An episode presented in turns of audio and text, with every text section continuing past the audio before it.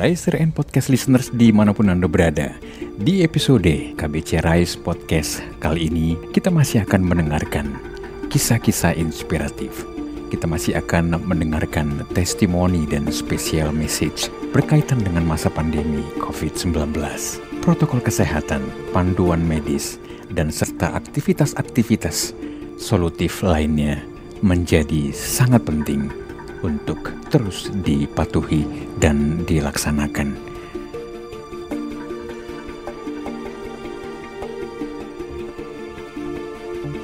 Namun selalu ada satu hal yang menjadi faktor utama yang mendasari setiap proses-proses yang harus dihadapi tersebut, yaitu bagaimana iman, pengharapan, bagaimana kebergantungan dan percaya kita sepenuhnya kepada Sang Maha Pencipta sangat menentukan menjadi faktor terutama dan utama dalam menghadapi pergumulan dan tantangan di masa pandemi COVID-19.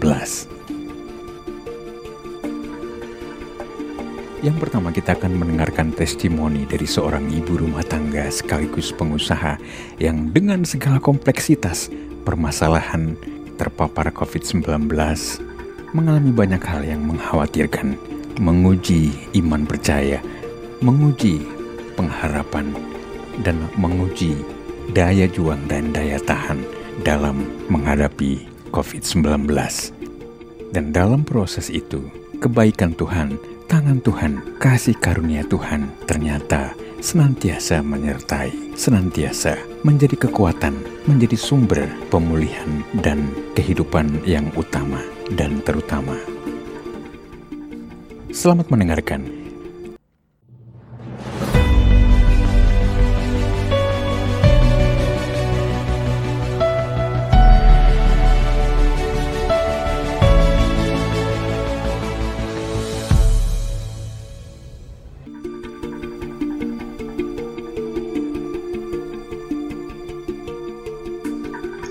Semuanya. Saya bulan Mei tanggal 28 itu terpapar COVID positif. Pada saat saya baca surat PCR itu saya positif, pikiran saya kacau. Saya takut kalau saya meninggal, kemudian eh, gimana dengan anak-anak dan usaha saya sampai ke hari kedua saya nggak berani untuk bercerita ke seluruh tim di tempat kerja saya. Juga saya nggak berani cerita ke anak-anak. Cuman saya hanya meminta pembantu saya untuk jaga anak-anak saya tidur di uh, lantai yang terpisah.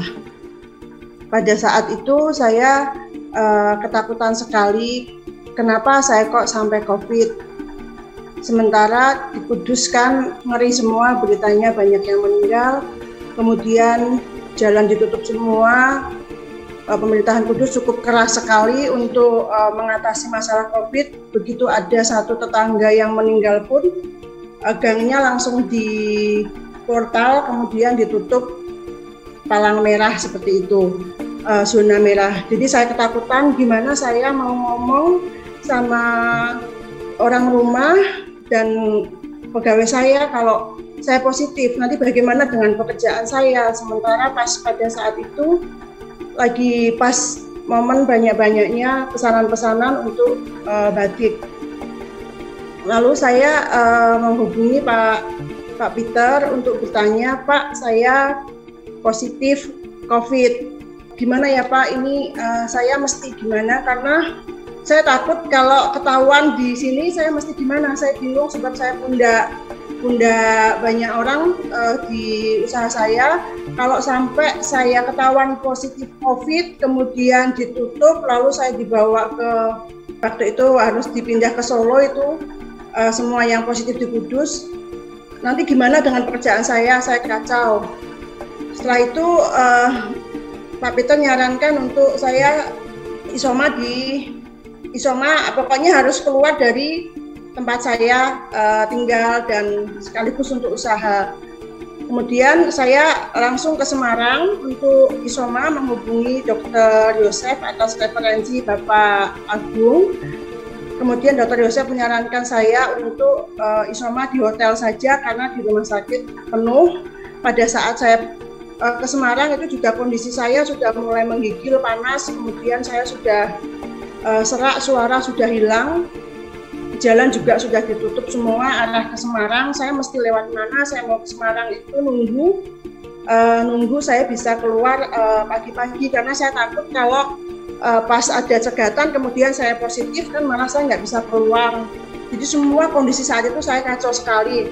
Lalu saya sudah sampai Semarang atas referensi dokter Yosef tempat apa namanya penginapan kemudian saya sampaikan ke orang rumah kalau saya positif juga dengan pegawai tolong semua swab semua semua swab kemudian tutup dulu dua hari tapi berita saya positif saya nggak sampaikan keluar-keluar hanya seluruh karyawan karena supaya masih bisa operasional kerja sebab pekerjaan itu adalah benar-benar tulang apa uh, yang dijaga untuk hasil gitu. Jadi saya betul-betul panik saat itu. Setelah saya menyampaikan saya positif, kemudian saya suruh semua pegawai untuk swab lalu untuk fogging tiga lantai tempat bekerja itu. Saya kemudian fokus pada uh, pengobatan saya dengan dokter Yosef. Setiap tiga hari saya harus kontrol, tapi sampai di saya waktu isoma itu hari ketiga suara saya sudah nggak ada, suara saya hilang, sesek. Kemudian hari keempat kelima uh, saturasi saya sampai 67, kemudian naik ke 81, itu turun lagi 72. Kemudian dokter Yosef menyarankan saya untuk saya bawa oksigen. Tapi kan saya di hotel waktu itu bagaimana untuk masukin oksigen seperti itu. Lalu saya sudah enggak sudah enggak bisa sudah enggak bisa mikir karena rasanya ini sudah seperti kiamat. Bagaimana saya uh, lemes lemes kemudian saya mengandalkan apa ini saya sendirian, saya juga lapar, saya lemas, saya takut menghubungi uh, hotel untuk ngirim saya makanan, takut nanti ketularan, takut ini itu, saya panik sekali. Kemudian saya tetap berdoa, saya tetap ngobrol sama Tuhan. Tuhan, kamu nggak pernah gagal menolong saya selama ini, tolong saya. Saya percaya engkau nggak akan gagal menolong saya dalam melewati masalah ini. Waktu itu saya lapar sekali, nggak ada makanan sampai dari pagi sampai malam itu nggak ada makanan. Saya takut mau mau hubungin ke room hotel nanti kalau diantar kan nanti saya bisa bikin bahaya ke yang antar kan seperti itu tiba-tiba Bu Yani itu WA saya Leoni gimana kabar? Saya langsung ibu saya lapar. Kemudian kemudian Ibu Yani kirim saya makanan. Uh, dari situ terus saya bersyukur saya saya sampai nangis saya ngomong Tuhan terima kasih. Pokoknya Tuhan tolong selamatkan saya. Saya percaya Tuhan nggak pernah gagal tolong saya selama ini. Lalu semakin besoknya sesek saya tambah sesek saya tambah saya telepon dokter Yusuf udah ibu segera pindah ke hotel yang saya sarankan lain yang bisa untuk uh, bisa masukin oksigen. Lalu uh, dokter Yosef kirim untuk oksigen. Kemudian Pak Peter juga membantu saya untuk apa namanya uh, cari oksigen. Kemudian saya pindah. Di situ saya mulai batuk-batuk darah. Saya mulai batuk-batuk darah. Uh, saya batuk-batuk darah. Kemudian apa kepala saya seperti kayak gelap semua. Pokoknya kepala saya bagian belakang itu kenceng gelap. Saya nggak ngerti saya mesti gimana. Tapi kemudian Ciwisin telepon saya. Waktu saya batuk-batuk saya darah udah Leoni keluarin aja Leoni keluarin aja lepasin semua lepasin lepasin lepasin aja. Batuknya sampai saya guling-guling pada malam itu. Sampai pagi saya cuman nyanyi saya cuma Tuhan saya percaya engkau pasti tolong saya saya percaya engkau pasti tolong saya.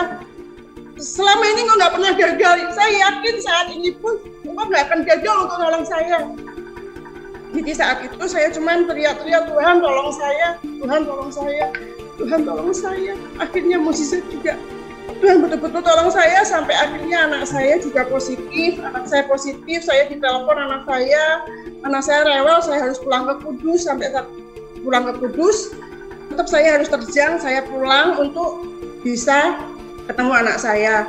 Tapi pada saat ketemu pun saya nggak bisa ketemu yang penting saya bisa melihat karena sampai sekarang PCR saya masih apa positif belum belum negatif sudah lima kali PCR tetap masih positif masih suka sesak saya masih apa masih banyak minum obat dan minum vitamin juga semuanya sampai sekarang masih positif tapi sudah membaik dan saya percaya Tuhan tolong dan sembuhkan. Terima kasih untuk kesaksian saya.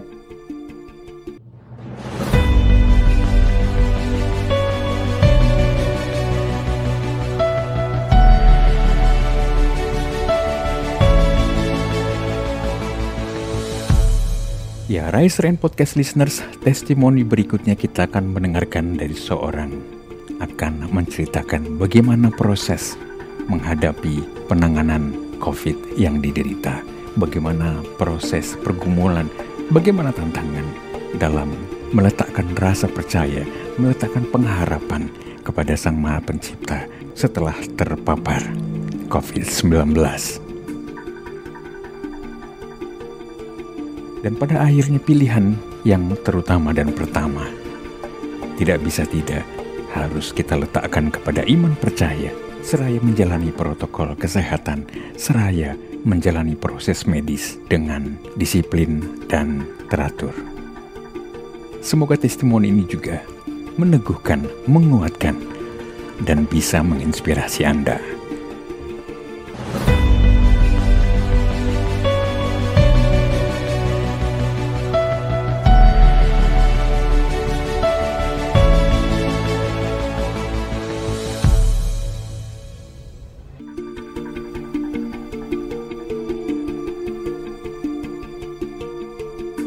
Kasih Bapak Ibu.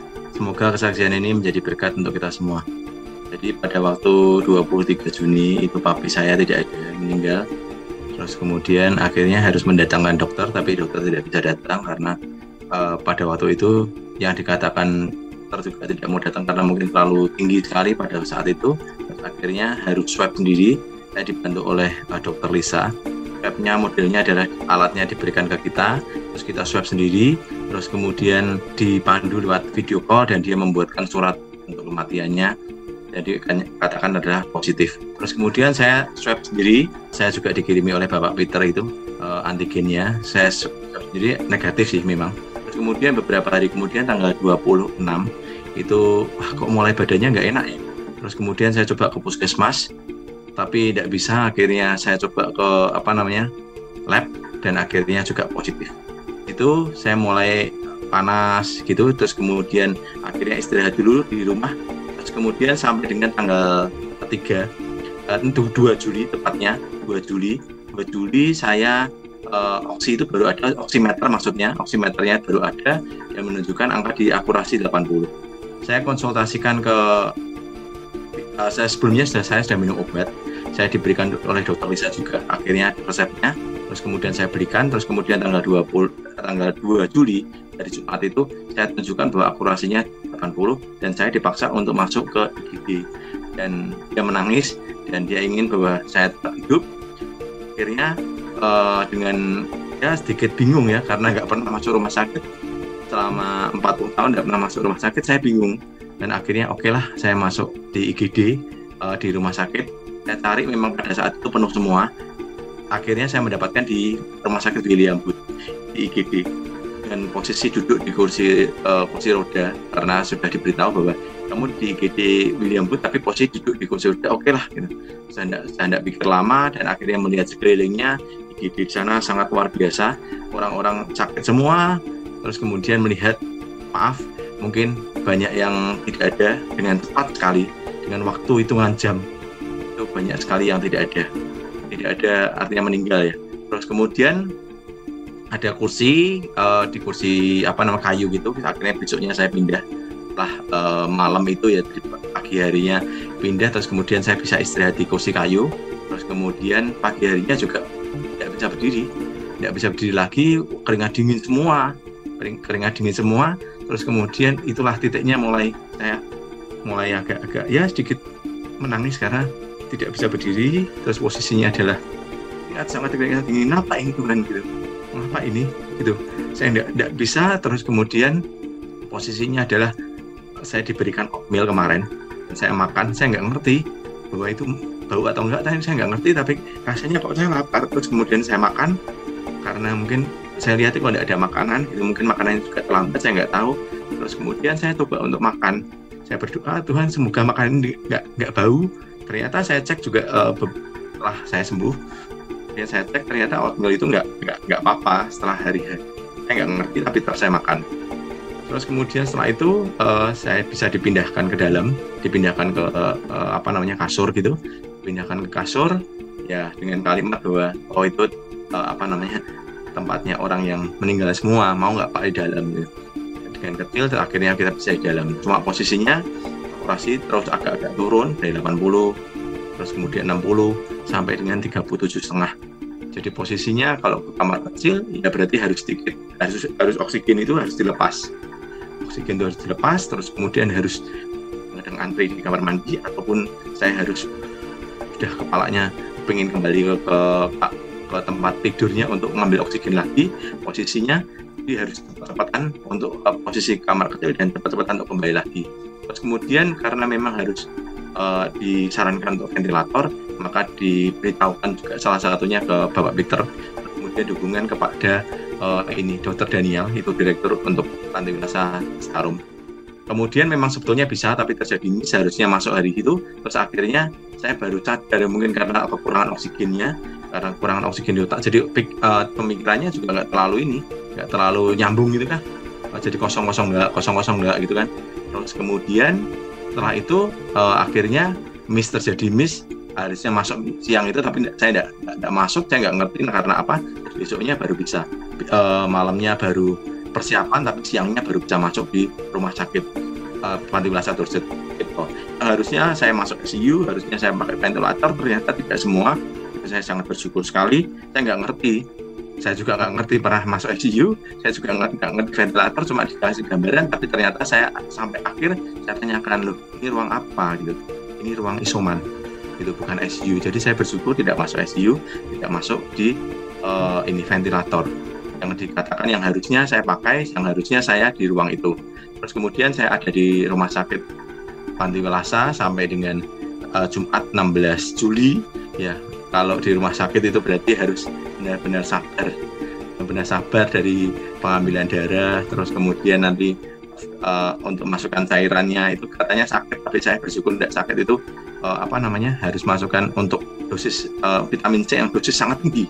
Sangat tinggi. Kalau nggak kuat itu banyak mereka sakit dan sakit dan sakit. Terus kemudian pagi bersiap setengah lima jadi di waslap di waslap terus kemudian harus dingin lah posisinya gitu. Kadang-kadang saya juga nggak mau karena terlalu dingin sekali sana. Terus kemudian sampailah titiknya bahwa saya dikasih kesempatan Tuhan untuk balik ke rumah. Sampai ke rumah terus kemudian posisinya ternyata belum ini belum normal. Jadi membutuhkan waktu sampai sekitar seminggu untuk pemulihan. Itu yang sangat-sangat luar biasa. Pemulihan yang sangat-sangat luar biasa karena butuh untuk timbangan. Terus kemudian otaknya harus di uh, harus di ya benerkan lah ceritanya gitu ya. Terus kemudian kalau di rumah sakit tuh harus disesuaikan lagi untuk jamnya jam tidurnya. Jadi jamnya terbalik semua. Terus kemudian ya sampailah hari ini saya sudah belajar untuk uh, ini apa namanya belajar naik motor. Kemarin udah mulai bisa nih bisa. Terus kemudian saya ambil mangga di sebelah yang dulunya nggak bisa digotek itu sekarang saya bisa untuk ambil untuk uh, ini sudah nggak terlalu dekat atau bahasanya adalah bisa untuk ambil mangga jadi sudah lumayan lumayan bisa lah untuk ini untuk bergerak dengan baik. Itu sih. Saya juga ketika pulang itu rakus makanya ya makanya sangat sangat banyak sekali. Sangat sangat banyak sekali tapi sekarang sudah mulai normal kembali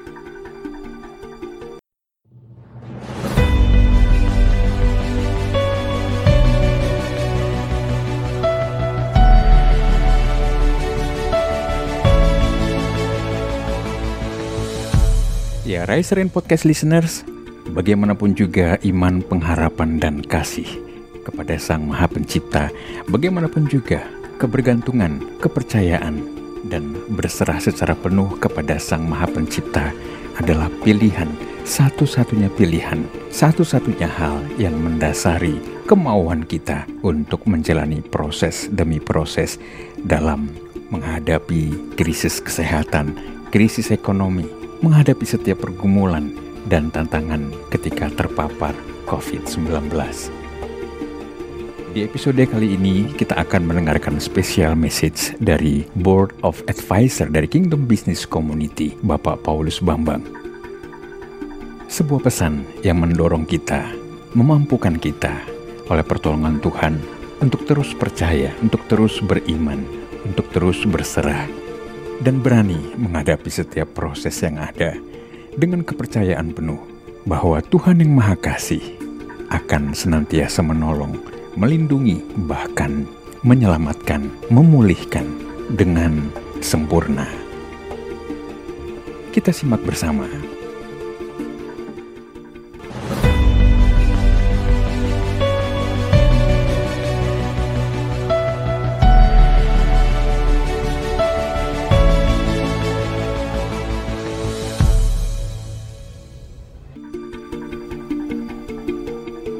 Jadi hari ini saya mau sharing sesuatu sebelum kita uh, perjamuan kudus karena kita percaya kesembuhan kita itu bukan hanya oleh obat tapi iman yang sangat penting. Izinkan saya share terlebih dulu apa yang ada di hati saya. Saya akan membacakan beberapa ayat Alkitab ini menarik. Judul renungan hari ini dan perjamuan kudus ini judulnya sederhana. But Jesus. Tetapi Yesus. Saya akan membacakan ketika Yesus, Petrus, Yakobus, Yohanes kembali pada murid-murid lain, mereka melihat orang banyak mengerumuni murid-murid itu dan beberapa ahli Taurat sedang mempersoalkan segala sesuatu dengan mereka. Pada waktu orang banyak itu melihat Yesus, tercenganglah mereka semua dan bergegas menyambut dia. Lalu Yesus bertanya kepada mereka, "Apa yang kamu persoalkan dengan mereka?" Kata seorang dari orang banyak itu, Guru, anakku ini kubawa kepadamu, karena ia kerasukan roh yang membisukan dia. Dan setiap kali roh itu menyerang dia, roh itu membantingkan ke tanah. Lalu mulutnya berbusa, giginya berkertakan, dan tubuhnya menjadi kejam. Aku sudah minta kepada murid-muridmu supaya mereka mengusir roh itu, tetapi mereka tidak dapat. Kata Yesus kepada mereka, "Hai kamu angkatan yang tidak percaya, berapa lama lagi aku harus tinggal di antara kamu? Berapa lama lagi aku harus sabar terhadap kamu? Bawalah anak itu kemari. Lalu mereka membawa kepadanya. Waktu roh itu melihat, anak itu segera digoncang-goncangkannya. Dan anak itu terpelanting ke tanah dan terguling-guling, sedang mulutnya berbuja. Lalu Yesus bertanya kepada anak itu, sudah berapa lama ia mengalami ini? Jawabnya, sejak masa kecilnya. Maka jawab Yesus, katamu, jika engkau dapat, tidak ada yang mustahil bagi orang percaya. Segera ayah itu berteriak, Aku percaya, tolonglah aku yang tidak percaya ini.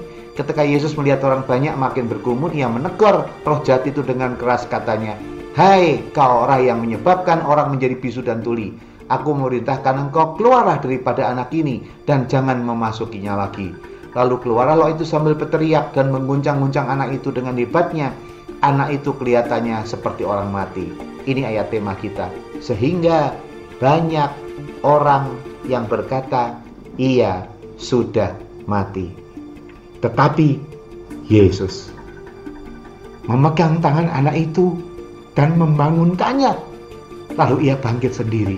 Ketika Yesus sudah di rumah dan murid-muridnya sendirian dengan dia, bertanyalah mereka, "Mengapa kami tidak dapat mengusir roh itu?" Jawabnya kepada mereka, "Jenis ini tidak dapat diusir kecuali melalui berdoa." Hari ini saya sudah membacakan ini kita sudah tahu cerita itu semua berita ini sudah cukup tersangat terkenal. Tapi hari ini saya mau soroti yang biru tadi. Menghadapi kesulitan-kesulitan hidup, iblis yang menyerang lewat penyakit ini, COVID ini dahsyat. Harus diakui dahsyat. Harus diakui keras. Kita baru hari ini mendapat berita ayah dari eh ibu dari Pak Yongki dipanggil pulang. Padahal minggu lalu Pak Yongki masih kesaksian. Mamahnya yang masuk tapi hari ini tidak bisa bertahan dan banyak sekali kita bisa melihat. Jadi ini memang berat.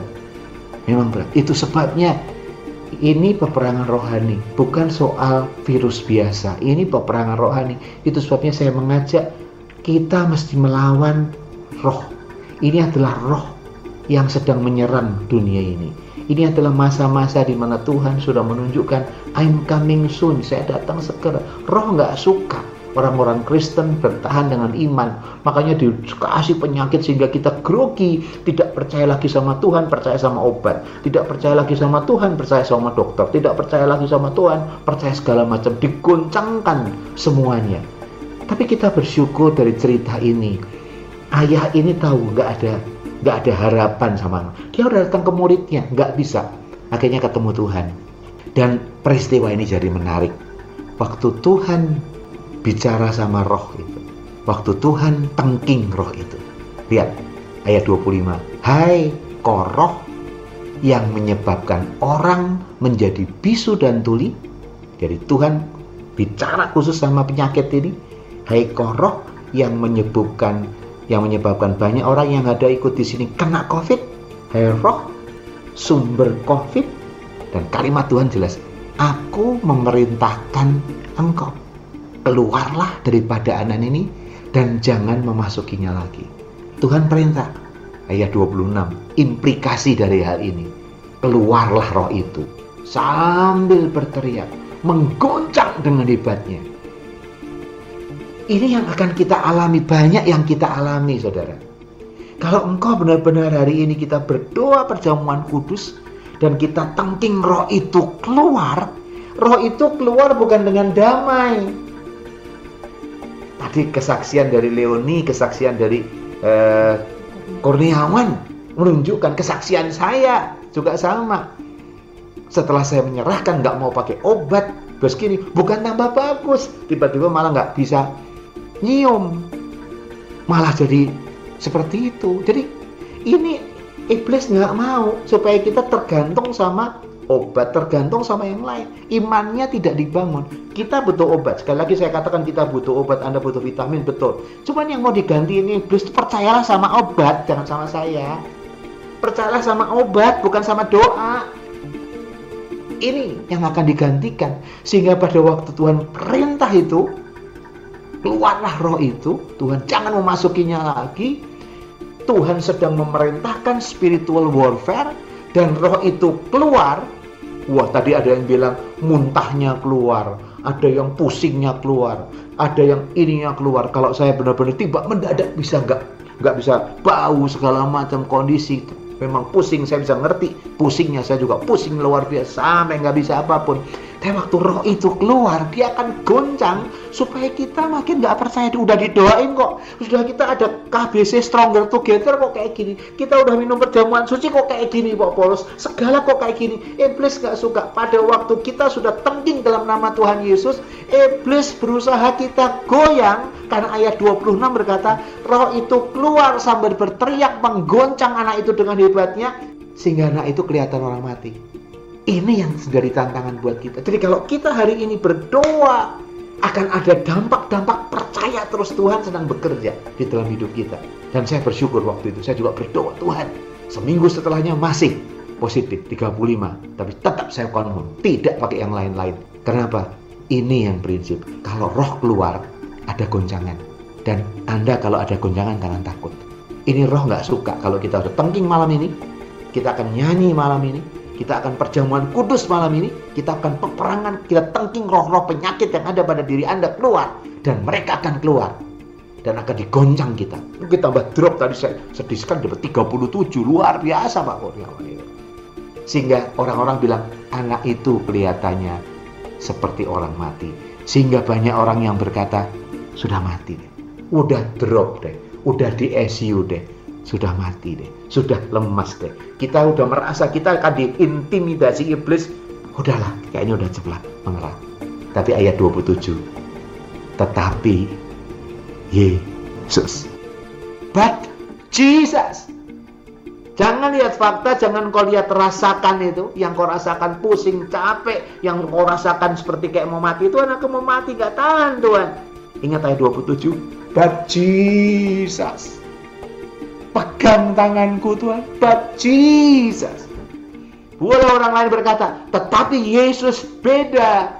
Yang lain mengaku sudah mati, tetapi Yesus punya acara yang lain kepada anak ini. Dia pegang anak itu, bangun, lalu ia bangkit sendiri. Lihat, ia bangkit sendiri. Tuhan cuma memegang tangan kita. Tuhan cuma membangunkan iman kita. Tapi kita harus bangkit sendiri. Kita berani, Tuhan, kau pegang tangan saya, kau bangunkan. Tapi I have to bangkit sendiri. Aku tahu bersama Tuhan lakukan perkara besar dan aku akan mengalami mujizat besar. Kalau engkau lakukan itu, maka kata firman Tuhan, iblis tidak memasuki lagi. Ini peperonan. Hari ini saya mau tutup dengan ini. Yang kau alami, katakan kepada Yesus. Karena waktu kita berdoa hari ini, perjamuan kudus hari ini, akan banyak iblis-iblis yang ditengking dan lari daripada engkau. Tapi lari dengan menggunakan apa? Dengan menggunakan serangan terakhir. Dia akan goncang kita. Mungkin ada beberapa Anda yang drop. Mungkin ada beberapa kok malah jadi nggak bau seperti yang saya alami. Tapi jangan takut. Itu attack terakhir iblis. Supaya kita nggak percaya kuasa perjamuan kudus. Attack supaya saya gak, wah bener kayak gini harus minum antivirus nih, harus antibiotik nih. Tapi kembali, itu attack Yesus. Tapi ingat ayat 27 hari ini ya, but Jesus, but Jesus. Dia pegang kita kok malam ini. Tiada bagi Tuhan nggak ada yang mustahil. Tuhan pegang tangan kita kok. Tuhan membangunkannya. Tapi yang diminta kita bangkit sendiri. Tadi Leoni belum selesai tugasnya. Kurniawan belum full selesai, tapi Leoni dan Kurniawan harus bangkit sendiri. Bangkit sendiri. I know dengan Tuhan saya bangkit. Tuhan sudah pegang tanganmu, Tuhan sudah pegang tangan kita, Tuhan sudah bangunkan kita, bangunkan iman kita. Kalau Anda nggak dibangunkan, nggak mau datang tempat ini hari ini untuk perjamuan kudus bersama KBC Strong Artinya sudah, kita mau menyerahkan hari tangan Tuhan, uh, megang tangan dan bangun, kita bangun sendiri. Kalau ini terjadi, maka akan terjadi kuasa besar. Sebelum kita ambil perjamuan kudus, nanti kita doa untuk yang sakit. Saya mau bacakan ini lagi. Yohanes 655. Sebab dagingku adalah benar-benar makanan dan darahku adalah benar-benar minuman. Lihat kalimatnya, very strong. Dagingku benar-benar makanan, darahku benar-benar. Barang siapa makan dagingku dan minum darahku, ia tinggal di dalam aku dan aku di dalam dia. Sama seperti Bapa yang hidup mengutus aku dan aku hidup oleh Bapa, demikian juga barang siapa yang memakan aku akan hidup oleh aku. Kalimatnya sangat jelas kalau kita makan perjamuan suci hari ini, iya kita tinggal di dalam Yesus. Yesus ada di dalam kita. Dan siapa yang melakukannya, memakan Yesus, memakan aku, tubuh dan darah, akan hidup oleh aku. Kita hidup oleh Tuhan, bukan oleh vitamin, oleh dokter. Kita hidup oleh Tuhan. Hari ini, imani kalimat-kalimat ini. Imani kalimat-kalimat ini. Imani kalimat-kalimat dan kau akan merasakan